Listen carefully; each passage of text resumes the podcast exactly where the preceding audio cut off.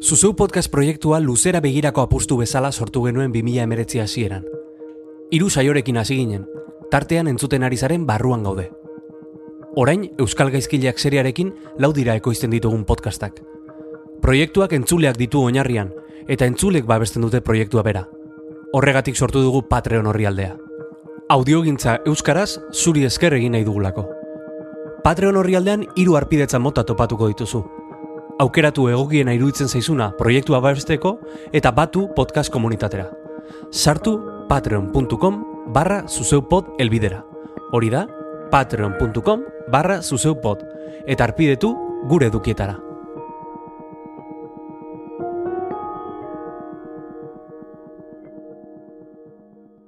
Gaurko anfitrioiak 600 baten tamainako piano bat dauka egon gelan aparkatuta. Piano ikaragarria, eh? Media kola ba, da Yamaha, da, hau da relazion prezio honena. Bai. Da Yamaha bat. Noiz dira kasu, txean pianoa? Hau erosi nun dunkadurekin, dunkaduren lehenengo jirakin. Laro geita amalauan. Osea, hau geita bost. Hogeita bost urte. Lehenengo jirakin. Beti afinatuta kasu, ez da? Hombre. Claro. Beti afinatuta, bada espada ere. Ze, ze joko, lehenengo pizza edo, bigarrena edo, zeo, Zuna, zuna. Eta jotzera esertzen denean, imintzio aldatzen zaio. Parean duen leiotik ies egingo balu bezala.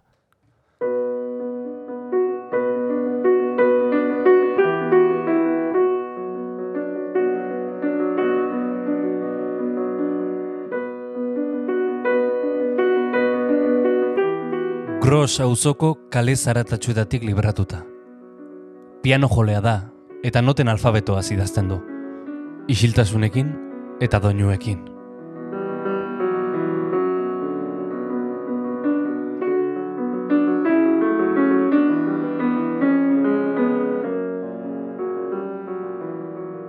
Nik impresio dakat e, disko berri bat entzuten detenean hori ja entzun da dakatela. Deja bi impresio, eh, etengabeko impresioa.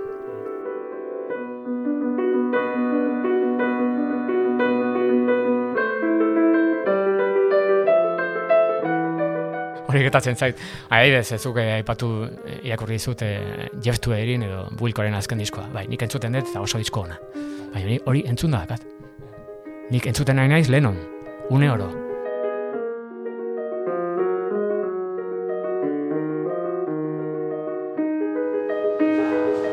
Bost urtetan, a- hasieran bi taberna zuten, bain zazpi. Eta, eta giriak, eta zaude, ez dakizu nun zaude. Ja. Joder. Bai. Iria hola da. Hori da.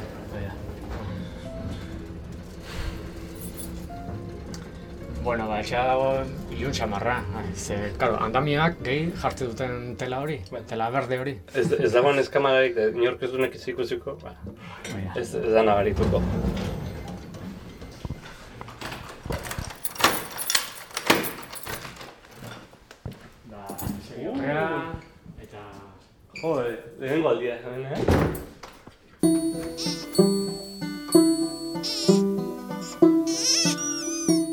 Barruan gauden, Joserra Senperenaren etxean sartu gara.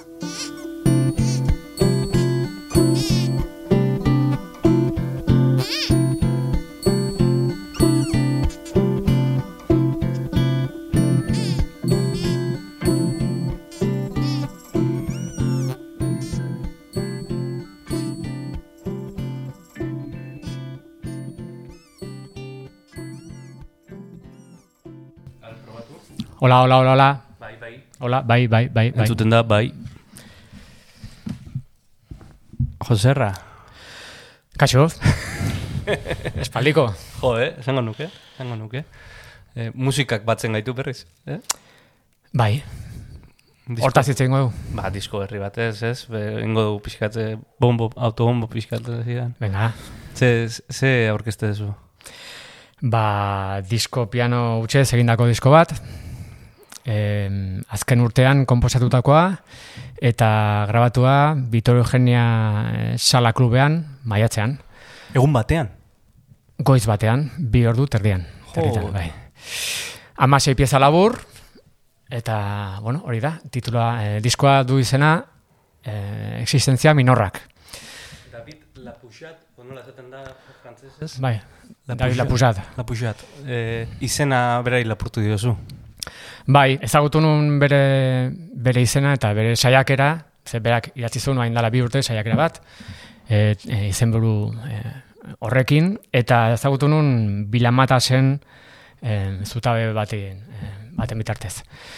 E, bilamatasak beti aipatzen ditu bai, berak e, irakurtzen duena, eta aipatzen zuen liburu saiakera filosofiko hau, eta oso gustatu zitzaidan asko, eh, irakurri nun saiakera, ez nun asko ulertu, baina bilatan, bilamatasek egindako laurpenarekin eta, bueno, ideia Bai. orokorra asko gustatu zitzaidan. Eh, esan dezu, goiz baten grabatu zenula. Horrelako disko bat goiz baten grabatzeko, ordu askoko lana dago atzean, ez? Hori prestatzeko eta... Bai, baina, karo, e, zu pentsa, e, pianista klasiko bat, edo jazz pianista bat, kontzertu bat piano utzez egin behar balin badu, oso ondo pe- prestatu behar du. Esan egia, ona izan behar da. Ez nire naiz pianista ona, ni ez dakit ni musikari, musikaria naiz eta ez, e, badaude ni baino askoz hobeak. Baina, bueno, bai, ba, kontzertu bateako adibidez, e, Bitrogenian joko dut urtarrilan.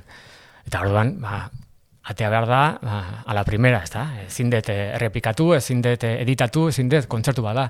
Eta grabaziora jo nintzen, ba, modu berean. Mhm. Eta errepikatu nun, eh? Errepikatu nun pieza bakoitza bi, hiru edo lau aldiz. Askoz jota.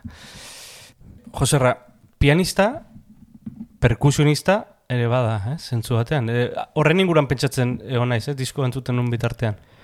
Bai, bai, eta hori liburuetan esaten da. Ez da, pianoa eh, sailkatzeko instrumento familien artean jartzen da eh, ari eta perkusio instrumentoen artean. Ze, ariak dauzka, pianoak, eta perkusioa ere. Ze, mm, gitarista batek jo, em, ikutu egiten du. eh, Rasiatzen du. Bai, baina pianoak zu jotzezu, zu, jotzezu tekla bat eta siste, mm, mekanismo baten bitartez, gero mm, mailu bat jo egiten du aria. Orduan perkusioa, hor badago perkusioa, osea, biak dira. Mhm. Perkusioa eta aria.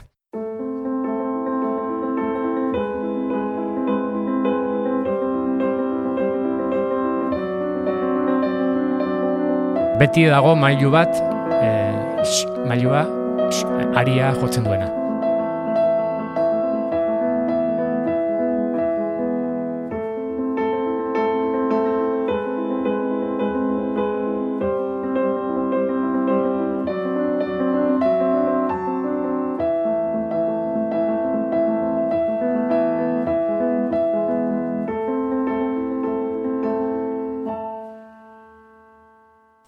Atzerain nahiko nuke, muntu baten.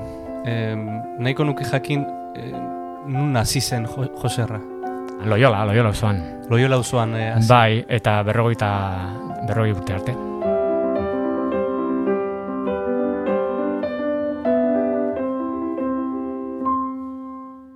Ni naiz eh, gazteena, anai arreben artean, eta ez, naiz gogatzen. Nola nintzen. Musika zalea zinen, etx- gaztetan. Bai, bai, bai, asko, asko.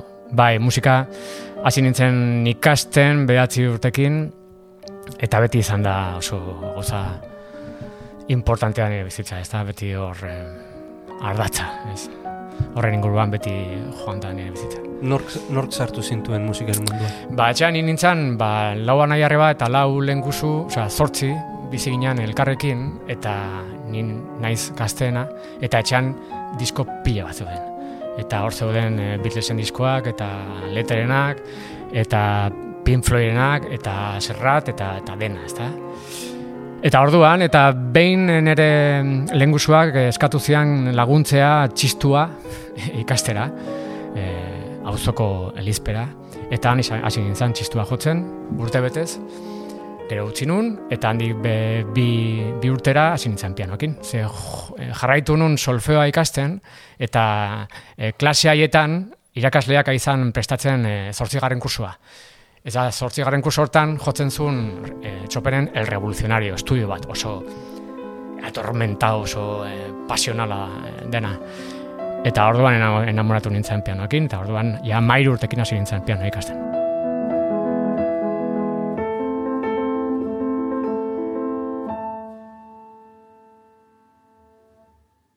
Ni solfeo ikasi nuen baita ere, eta e, akordeoira puntatu nintzen, baina nire amak e, e, eraman ninduen, ez, akordeoira. Nik beste, nik nahiago nuen beste instrumentoren bat hartu, ez? Eta, eta goratzen ez akordeo, akordeoia jotzen hori nintzela e, hainbat urtez, baina, baina gehiago hori bat norbaitek eraman da, ez? Gero utzi nuen.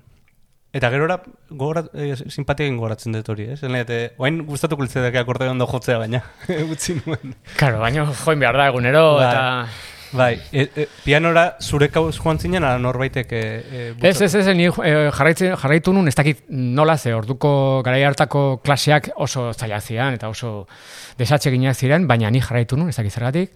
Eta hori, eta irakasleari ikusten nion nola jotzen zuen txopenen estudioura, eta orduan, eh, nik erabaki nun, eta eta ez dakit nola, e, gurasoek erosi zidaten ja bigarren kursoan piano bat, eta Eta horrek harrapatu zintuen, ez? Gaur Bai, arte. bai, gaur bai, arte. bai. E, zure gelan ze poster zen dituen? Bazen duen posterrik? ez, ez, Ez zera izan e, musikariak edo, edo gurtzeko sale? ez. Eta kontzertutara joten zinen gara hartan? Nire lehenengo kontzertua izan zen lagun batekin eta bere amakin eta beste lagun batzukin, e, Luisak eta Mikel Laua, mila behatzen, eta irurogeita sortzi urtean edo. Zenbat urte zen dituen orduan?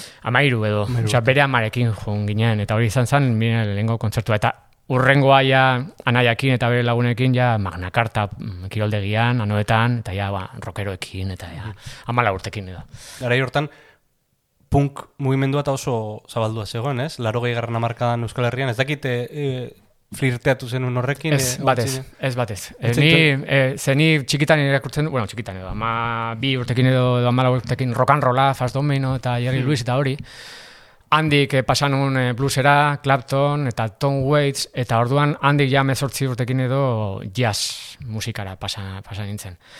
Eta orduan, zeni neukan ikasteko gogo ikaragarria, ez? Ez gertatzen zen hor, eh, musikalki, eh, ze akorde, eh, akorde erabiltzen zituzten, eta ze ritmoak, eta eta goratzen naiz, juten nintzala donostiko tabernetara, eta hor bat zeuden jazz musikai batzuk, eta nik ez, ez, ez nun lertzen nola, eh, nola jotzen, nola ze kapazitatea zeukaten elkarrekin jotzeko musika instrumentala eta soloak eta soloak egiten eta tema bat jo, jo gero improvisazio eta berriro bueltatu temara eta neri hori ostia, flipatuta uste nuen, ez?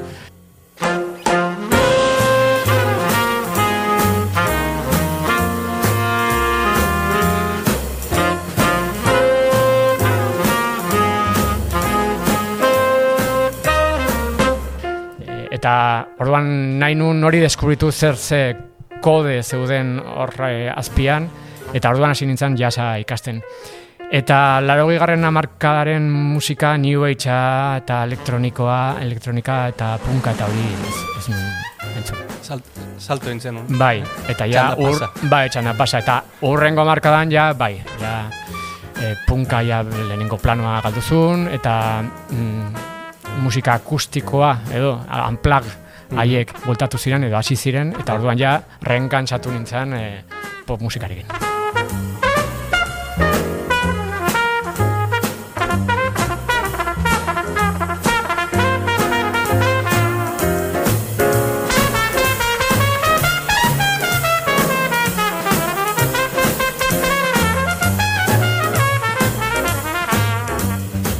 Orain zen musikak ugitzen zaitu.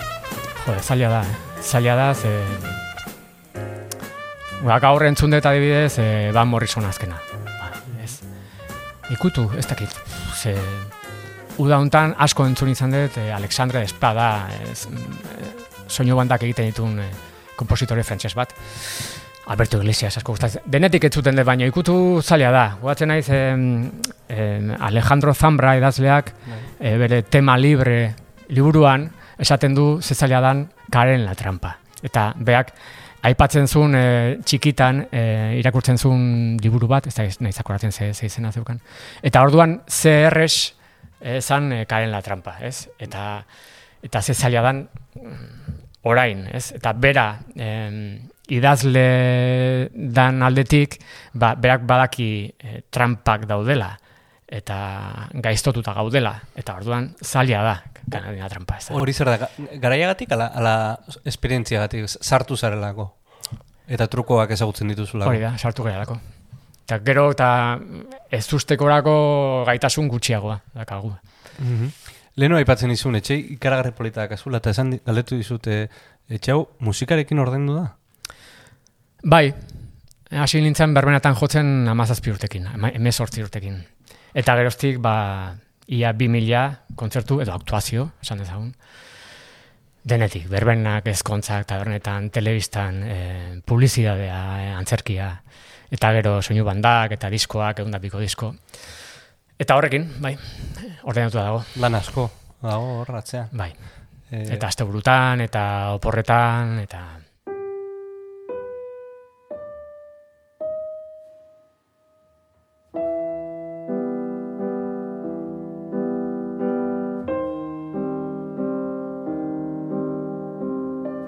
Zenperenak, bakarka egindako diskografiaz gain, beste musikarientzat lan egin izan du.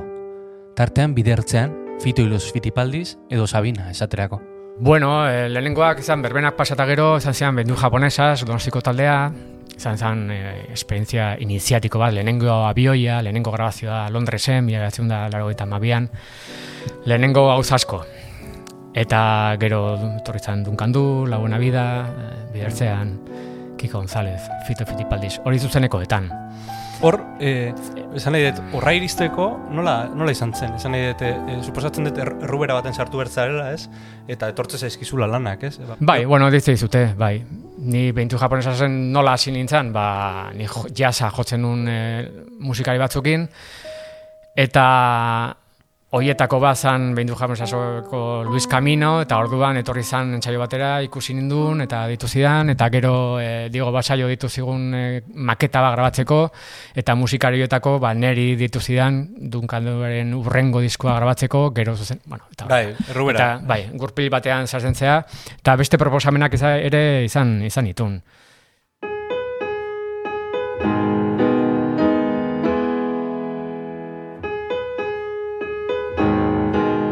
Behin lagun bati entzunion musikario kontzeptua. Izan ere beste batentzat lanean zabiltzanean jakin behar duzu norekin ari zaren. Zer nahi duen? Eta nun laga behar duzu zure pieza. Bueno, musikaria brillante izan daiteke, izan daiteke teknikoki bikaina, izan daiteke, baina jakin behar da besteren e, proiektutan sartzen, ez? Hori da importantena. Jakitea norekin ari zeran eta zertarako eta gero zure almenak eta ezin dezu e, hor e, estudiora joan eta zure virtuosismoa izan ez gero e, erakustea, ez? hori ez da, ez, jakin barezu norekin nahi zean.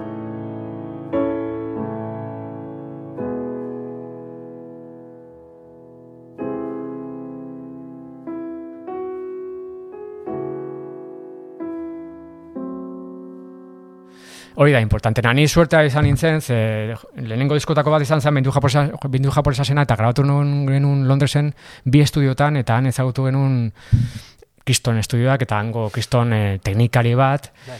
eta gero burrengo grabaziotan Londresen bendukandukin, eta Los Angelesen, eta ba, jo izan un kriston musikariekin, ba, Paul McCartneyren gitarristarekin, edo Randy Newman, edo Joe Cocker, edo musikariekin, ez da? Edo lurri den e, mm -hmm. proiektuarekin, eta, bai. karo, hor ikastezu ikasi nun pila bat. Nola, nola egon estudioan?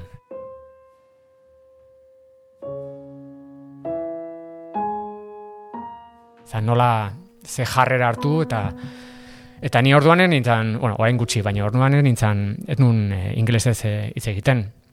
Eta kuriosoa zan, ze itzen gabe, baina azten zeinan e, jotzen eta komunikazioa sortzen zan, hori oso polita zan.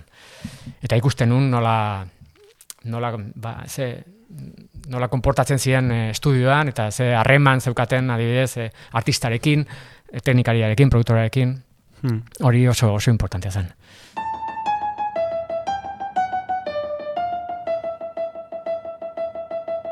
Bai, beti saiatu zen naiz, e, grabazioetan nire proposamenak egin. Gero artistak erabakiko du hartu ala ez. Eta nik e, musikariai ditzen e, diedanean nire proiektu batean e, parte hartzeko gauza bera eskatzen dut, ez? Musikaria ba, gauza proposatu, osea... Proaktibo izatea. Proaktibo izatea. Mm. Azala, azala zaildua dakazu beraz, hori argi dago, eta Nola aldatu dan musiken mundua, ez? Zautu duzu aldaketa hori? Jode, erabat. Bai, ze orduan, bueno, ba, diskoak saltzen ziren, bain ez. Orduan eh, esaten da, ez, bazegoen klase media bat, eh, talden artean, bain ez, bain, ba, lapoiak eh, bete, bete egiten du eh, bek bi aldiz, eta gero eh, kontzertuak badira tabernetan eta leku txikietan, baina klase media hori desagertu egiten dala, esate dute, nik ezakit.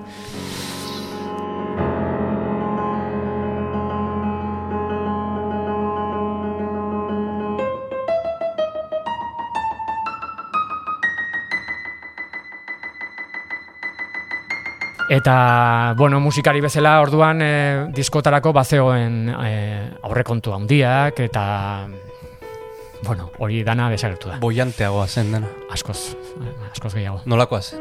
Ez dakit, ni egon nintzen e, Mikel erentzunen disko batean Los Angelesen berroi egun grabatzen. Paul McCartneyrekin, Paul McCartneyen gitarristarekin, eta Ran, e, Bill Frisellen e, gitarristarekin, eta produktorea zan lurriena, eta Kriston estudio batean, Sexua, drogak eta rock and rolla. denetik.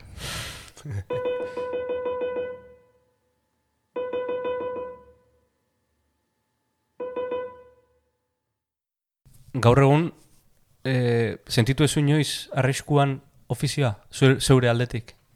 Ez, egon dira boladak, baina, baina ez musikari profesional gisa ondo justitzaidan, Hmm. ondo. Eta nik esan nun, ba, hain dela lau bost urte ja, eh, esan nun onaino, baina nik esan nik hartu nun erabakia. Onaino zer? Onaino e, birak, zuzenekoak. Grabaketak ez, ez dakat inungo arazorik, eta gustoko dut taldeekin e, jotzea eta grabatzera jotea oso gustoko dut. Baina jirak eta hori ja ez. Eta, karo, ni hortaz bizi nintzen. Orduan kangelo hori e, gero etorri da. Aldaketa, ez? Ba, ez eh, apostua egin nun, sormenaz bizitzeko, eta, bueno, gauzak ez dira hain jarresak. Oroitzen duzu lehenengo aldia estadio ikaragarri baten igo zinena? Bai, e, behin du japonesasekin izan ginen Madonaren teloneroak. Bai. eh, Nun izan zen hori? Ba, Madrilen, Bizente Calderonen eta Monjuiten. Eta esan ziguten han zeudela iruro mila lagun. Baina, karo, gu, ze- gu ginen tale teleoneroa. Eta ordu erdi bat eh, jotzen genuen, eta kantuen artean publikoa, Madonna, Madonna. eta gu, hain. Ba, impresioa zen, ikaragarria. Oio ipurdia jarriko zaizun, ez? Un hori- bai. Eta gero ja oitu zinen, horrelakoetara, ez? Oitzen Bueno, joan zara, Ez da hainbeste, eh, baino, baino fitokin bai hainbeste, eh, hainbat kontzertu egin genitun, ba, hogeita mila lagunekin, eta Asko bideatuko zenuen musikarekin. asko, bai, mundua ezagutu nun, bai. Bueno, Espainiako hiri guztietan egon, hiri buru guztietan egon naiz, hainbat aldiz, eta gero Amerikan ere estatu batuetan, eta Argentina, Chile, Mexiko, Bota jazu abesti bat oain burura etortzaizun lehenengoa. Gondeles Lambers. Once there was a way get back homeward.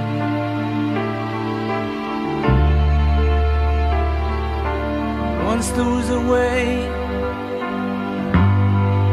to get back home. Sleep, pretty darling, do not cry. Kontzertuak gaur egun, ez? Em, badirudi gerozta zailagoa dela jendea kontzertutara eramatea. Edo adidez, ez? Ba, nire esperientzitik, ez? Nire badiz lutopetekin ibili garenean, ostras, e, aretutako media oso oso, ez dakit, ber, berroi, hogeita maoz, titik gora, ez? Zerratik? Lehen komentatzen genuena, ez da? Baino berri txarak ikustera, badoa la jendea, edo la polla, edo Muse, edo, ez? Klase media hori desagertu dela esaten dute. Eh, ez dakit, ez dakit, ni ikusten detenian eh, la polla bi aldiz bete egiten du- dula beka, beka eta igual hirugarren aldiz ere, ez? Zergatik ez. Orduan, karo, jendea badijoa. Publikoak hautatzen du. Ze ikusi eta zer ez ikusi. and I will sing a lullaby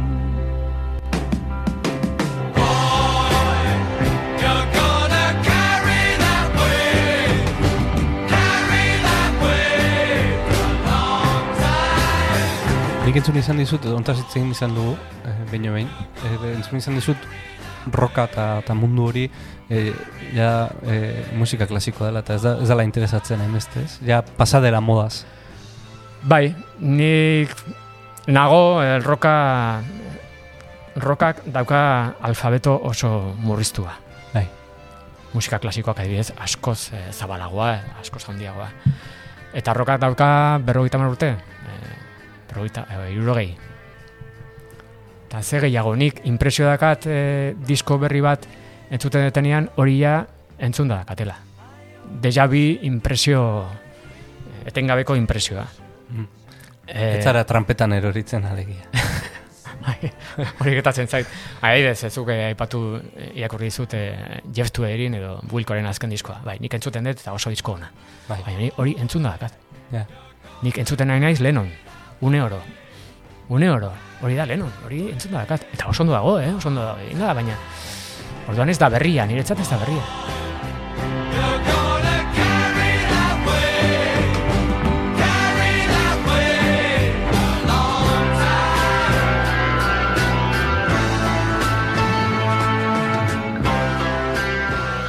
Eta hori gertatzen zait musika gehienarekin. zure, zure zarra zarelako. Baita, baita, claro. Bai. Ez, egia da, ez. Egia da, eh, alfabetoaren nata, egia da, ez. Eta... Blusa, blusa, are, eh, ez, txikiagoa dauka Hmm. alfabetoa, ez da? Post hitz, edo sei hitz, edo lau akorde, eta jazta, eskala bat. Eta popa zabalagoa da, baina, Baina hor dago ma- magia puntu hori ere, ez? Nik Jeff Tweedy gustatzen zait horregatik, ez? E, betiko lau, alfabetoko lau letrekin kapaz, kapaza delako abesti berriak eta abesti e, potenteak egiteko, ez? Batzutan hobeak, bestatutan esain hobenak, ez? Baina, baina, ba- bueno, bakarka ateratzun diskoa adibidez, pff, oza, ez dakit, eta, eta ostras, e, egunero jotzen ditugun hiru akorde hoiekin bai, bai, dago bai, eginda, bai, ez? bai. Hori, ostras, ez dakit, eh? Gaitasuna behar da, eh? Nik akorde horiek dano dauzkagu eskura, ez? Baina Bai, bai, bai. abestiak egitea ez da inerrez. Bai, kriston meritua da, osea, oso Bai. Kriston diskoak dira, Bai. baina esan nahi dut eh, hori lehen honek egintzen zuenean berria zen, orain dela berrogeita hamar urte. Bai. Orain ez da berria. Honey, I'm worried the fire's cold out. Tired souls have lost their way. Mozart hiltzelarik, loro berde bat topatu zutenaren etxean. Txirula magikoa operako pasarteak dotore txistukatzen zituena. Pasarte haiek Mozarti ikasiak behartzutela uste izan zuten. Harik eta espedizio batek Karibeko uarte batean pasarte berberak txistukatzen zituen loro saldoa topatu zuen arte. That's why we hold on as the days pass and wait for love. Loroa lurperatu zutenean, hemen datza originaltasuna, zizelkatu zioten hilartitzean. Arkaitzkano, abesti bat gutxiago. Arm in arm waltz through the distant days, the scattered parades. Chuck Berry, osea, zer, zerbait berria edo Pink Floyd hori egiten zutenean, ba, berria esan, edo Sex Pistols edo, ez, etapa guztietan, baino gerostik, ez da zer berririk gertatu, nire ustez. Ez dago zer berririk hori galetu nuen. Bueno, bai, igual trapa eta rapa eta gautza horiek bai, baina ez da nire... Ez zaitu interesatzen. Ez. Ez zaitu interesatzen, trapata. Ez. Ze pentsatzen duzu entzuntatzen zuenean. Entzun un disk, eh, Rosaliaren azkeneneko diskoa, ze hasi nintzen irakurtzen, eta mundu guztiak eh, zio zer esaten zuen, eta bueno, a ber, zer, zer dau, eta esk, entzun nun eh, kaskotatik, eta ditu zitzaidan kriston diskoa, baina kristona, oso oso oso ona. Musika eta produzioa, eta letra, eta bera, eta dena, baina ez da nire musika, ez da nire... Ez da interesatzen, osea, entzun dezaket eh, flamenko disko bat, eta ondo egon daiteke, baina ez da interesatzen. Ez da Ze- nire kulturakoa. Ze, ze, ze iruditze zaizu radioformulako musika? E, esan nahi fabrikatzen den musika hori, ze... Ez dut entzuten, impresioa dakat eh, zerbait entzuten etenean, impresioa dakat eh, musika oso... Eh, gaur egungo musika gehiena honek ekarri du informatikak, editatua dago. Eta entzuten dut dana editatua, ritmo guztiak editatua, gitarra guztiak editatua, ahots guztiak edo ia guztiak e, afinatuta. Eta nik haien nahi zentzuten, eta iaiak ordenagailuaren kursorea ikusten. Hain nahi zentzuten iaia musika robotikoa. Impresio hori dakat. Entzuten de- deten e, musika pop, rock e, ia guztia da zarra. Hor bai e, aurkitzen detela Organikoagoa. autentikotasuna edo, claro, hau da, ja, ja, Bai. zar baten i- iritzia, baina horrela da, ez, ez zindete saiestu, ez? Ez. Eh, baina identifikatzen dituzu eh, jendea harrapatzeko trampa horiek? Ea, identifikatzen dut trampa horiek? Bai. Bai. Jende harrapatzeko indako eh, me- melodia, eh, ritmo, eh, errepikapen. Bai, e, baina... Inoiz, inoiz jarri zara ziru jauaren papelean eh, analizatzen, no? zergatikan egin dute horrela, ez? Zergatikan sortu dute abesti hau, ze oso pentsatuta eta oso fabrikatua daude asko, ez? Zergatik, zer dagoen atzean, nola pentsatu dute hau? E, inoiz jarri zara pentsatzen hori? Bai, eta ez dakate erantzunik, baina asuntoa da publikoak hautatzen dula hori entzutea. Eta horregatik industriak musika gehiago e, estilortakoa egiten duen. Enguratuta gaude, ez? Ez nahi dute, nire askotan gertatzen zait, ez? Ba, okin egira joan eta entzuten dituzu abesti berberak. E, gero etxera iritsi eta telebista jarri eta berriro abesti hori dago, ez? Eta askotan pentsatu izan dut, eta hitz egin dugu hortaz ere, e, e, ea zer den lehenago, ez? Arrautza la olioa, ez? Bai, E, karo, ni hor galdu dute naiz, ez dakit ze. Esan nahi dute, e, nik da, dakizkit abesti asko buruz, inoiz ez ditu dena borondatez entzun, ez? Eta badakizkit, edo sartu dizkidate, ez? Eta hor dago, ez? Pasiboki konsumitzen duguna eta ez duguna konsumitzen, ez? Eta horregatik, bueno, nik aipatu izan dut askotan ete bere papela, ez?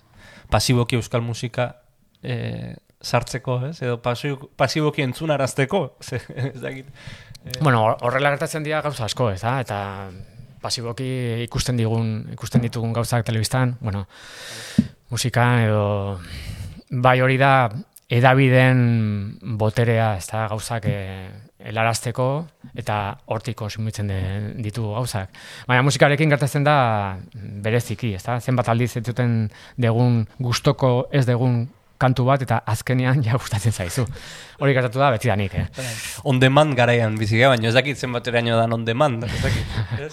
E, es- Spotify ar, e, erabiltzen duzu? Bai, bai, asko. Asko, gero eta gero eta gehiago.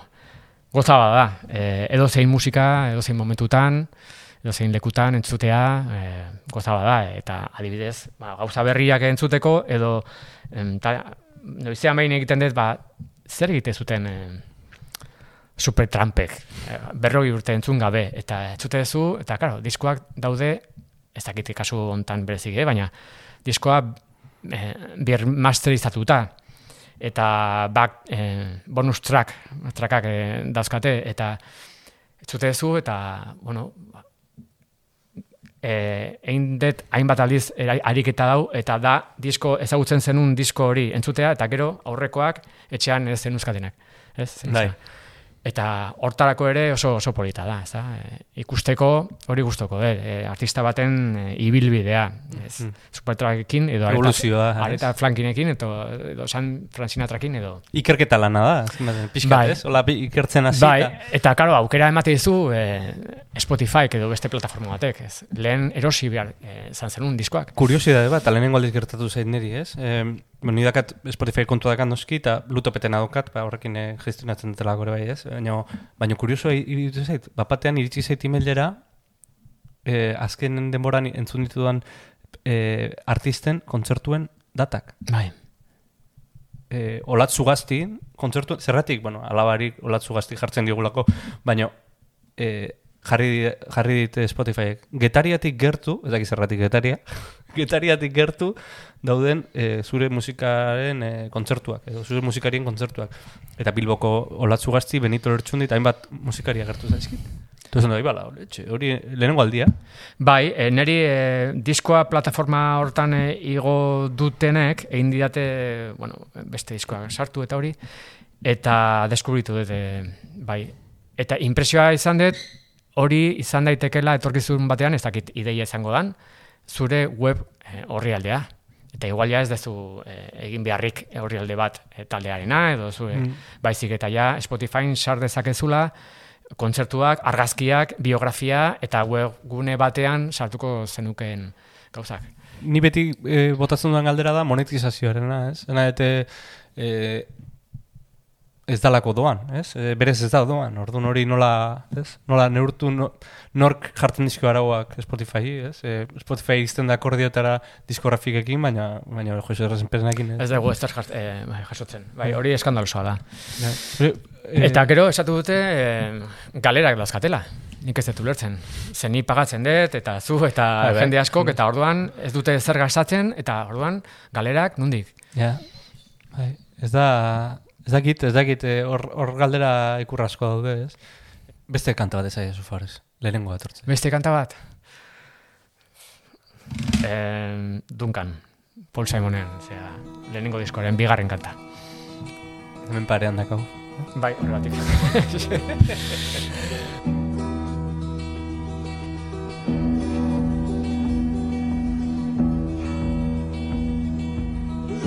couple in the next room, bound to win a prize. They've been going at it all night long. Well, I'm trying to get some sleep, but these motel walls are cheap.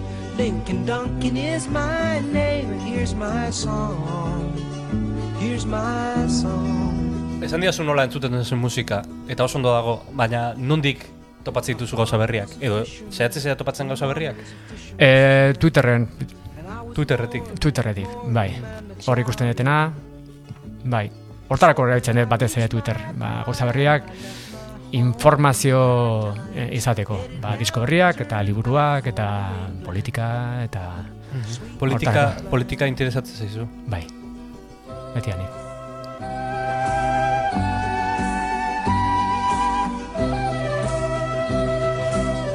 Bai, naiz militantea, baina bai. Nola ikusten duzu gaur, gaurko e, garaia, ez? E, Euskal Herrian bizi dugu inpas moduko bat, ez? E, aldaketa garaia izan da, badirudi piezak birkokatzen ari dela, ez? Nola, nola ikusten duzu? Ba, ilusioz. Ze borroka armatua sartu zen, pingoz. Eta horrek eh, asko garbitu du eh, zelaia. Bestalde, ba, hor segitzen du eh, estatu batek mm, esan ez gauzak nolakoa, no- nola esan behar diran, eta herrien autodeterminazioaren eskubidea eh, ukatzen. Eta hemengo alderdiek ba nik uste ez dutela egiten edo epelegi mugitzen diela, ez da. Nik eh, eskertuko nuke beste eh, beste jarrera bat.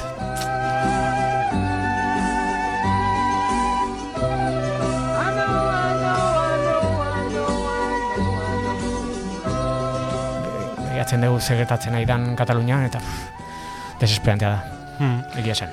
Kataluniai begira gaude. Kataluniari soinu banda jarriko zenio, ze... Zaila. Zer, zerbait disonantea.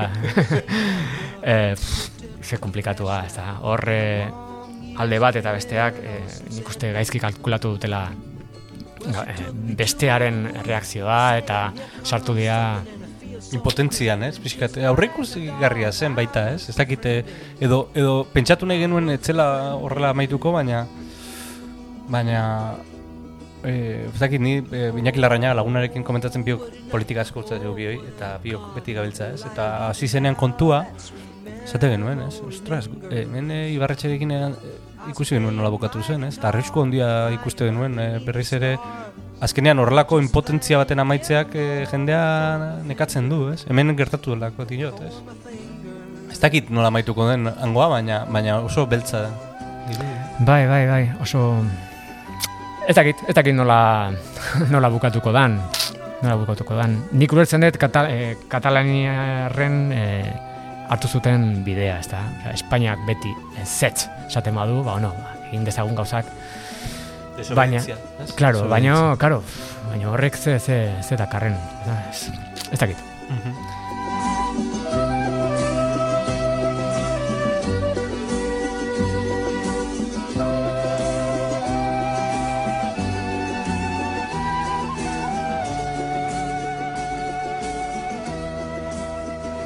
E, soinu banda ipatu dugu Kataluniaren zuk soinu banda egin dituzu zinearekin e, harremana izan duzu, hainbat e, zuzendarirekin, Koldo Almandoz, e, bueno, zerrenda luzea daukazu. E, ze papel dauka musikak zineman? Musikariaren ikuspuntutik. Ba, autorearen e, araberakoa, ez da? Et, e, ikusten badezu zinema klasikoa, azteko dago main title. Ez da? Bi, iru minutuko kriston musika orkestra batekin. Bai. Eta gero musika, musika asko dago pelikulan zehar. Orain ikuste musika gutxiago eh, egoten dela, bueno, zinemaren eh, autorearen araberakoa, ez da? Eta orain, egun asko erabiltzen da musika ez dan soinu banda, ez da? E, hau da atmosferak. E, Bai. Soinuak, e, soundscapes. Hori ere zure lana da, Izan daiteke. Izan daiteke. Baina niri hori aspertu egiten dit. Ja. E, Ze, momentu batean, bai soinu horiek, e, soinu ide- inidentifikable horiek, ondo izan daitezke, baina pelikula osoan hori erabiltzea niri Ahi, ez, bakoratzen naiz Dunkerke edo Bai. pelikula hartan, ez? Bai. Eta ez zan, zaila zan identifikatzea zer zan musika eta zer zan e, e, soinu direktoa edo Bai. dana... Oso Hollywood, oso, oso amerikanoa da hori ere. eh? Bai, baina bueno, gero dago eh, Disneyren koko pelikula bat edo eta kriston musika daga, ez da? Ikaragarria. da. Bai. Bai. Aldo batea ez da telebista ikusten du, da bai telebista daukazu. Suposatzen dut telebista ikusiko duzula orduan. Bai. Eta ez dakite, e, bueno, zinema zitziten on gara, e, serie filoa zara, e, Ez, ez dut inoiz ikusi, sererik. ez. Ez, ni, ni zinemara jotea gustatzen zait. Bai, Et- et- eta ateatzen zea, eta pantalla handi batean, eta... Trueban. Trueban edo Principen, mm. eta soinu on batekin, eta eta etxetik ateatzen zea, ze nire bizitza gertatzen da hemen, beti barruan, Bai. eta, bueno, ze hau da nire ez, laneko ze, lekua. Musikari edo artista batek lana kaleratzen dunerako ze, beste lan bat du artean normalean. Bazabiltza zer baitekin? Bai, bukatzen ari gea e, lur eta mets. Lur eta mets da lotura produktorak egiten nahi dan e, pelikula bat. Bueno, da, koproduzio bat, lot- lotura films, ETB, e, ikastolen kargoa eta katxiporreta. Lur eta mets dira Usu Alberdik e, sortutako bi pertsonaia Bai. eta pelikula hau martxan jarri zuen e, Juan Baberasetek izana. Osa, pelikula batekin zabiltza. Bai, eta, mm, bueno, Juan Ba ez dago, bere alaba da oain eh, ekoizlea, eta zuzendaria dira Joseba Ponce eta Imanol Zuinkunegi, Mm. eta ja bukatu, bukatuta dago pelikula, estrenatuko da otxalian, eta ni haina ez musikaren, eh, musika nasketak egiten. Mhm. Eta zure bakarkako zean, geldik zaude edo, edo bazabiltza komposatzen? Ez, ez, oain, ez, hain naiz eh, pelikula bukatzen, eta mm, oain dala gutxi bukatu nun eh, Fermin Etxegoienen eh, egunak eta lanak, eskoltzen diaren eh, dokua, eta oain ez, komposatu gabe nago. des, deskansoan. Bai, bai, irakurtzen, eta E, importantea da deskansatzea. Oso. Bai, zekero, ba, ideiak ateatzeko eta ez errepikatzeko eta eta berriro ez, gero zerbait kontatzeko izateko. Bueno, ba, deskansatzen utzuko zaitut, eta eskerrak emango izkizut eh, etxeko atea saltzeatik. Eskaraz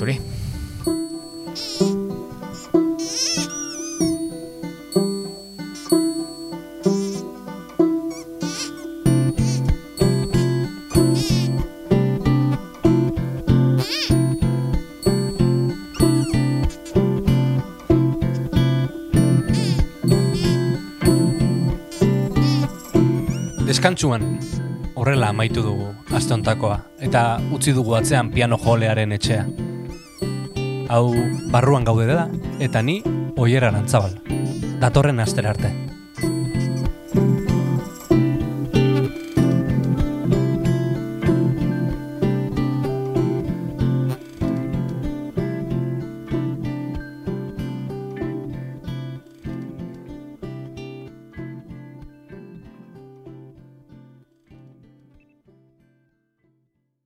Edo zein audio plataformatan entzun dezakezu zuzeu podcast. Spotify, Apple Podcast, Stitcher, eta bestela sartu podcast.eus elbidera. Hori da, podcast.eus eta bertan topatuko dituzu ekoizten ditugun saio guztiak.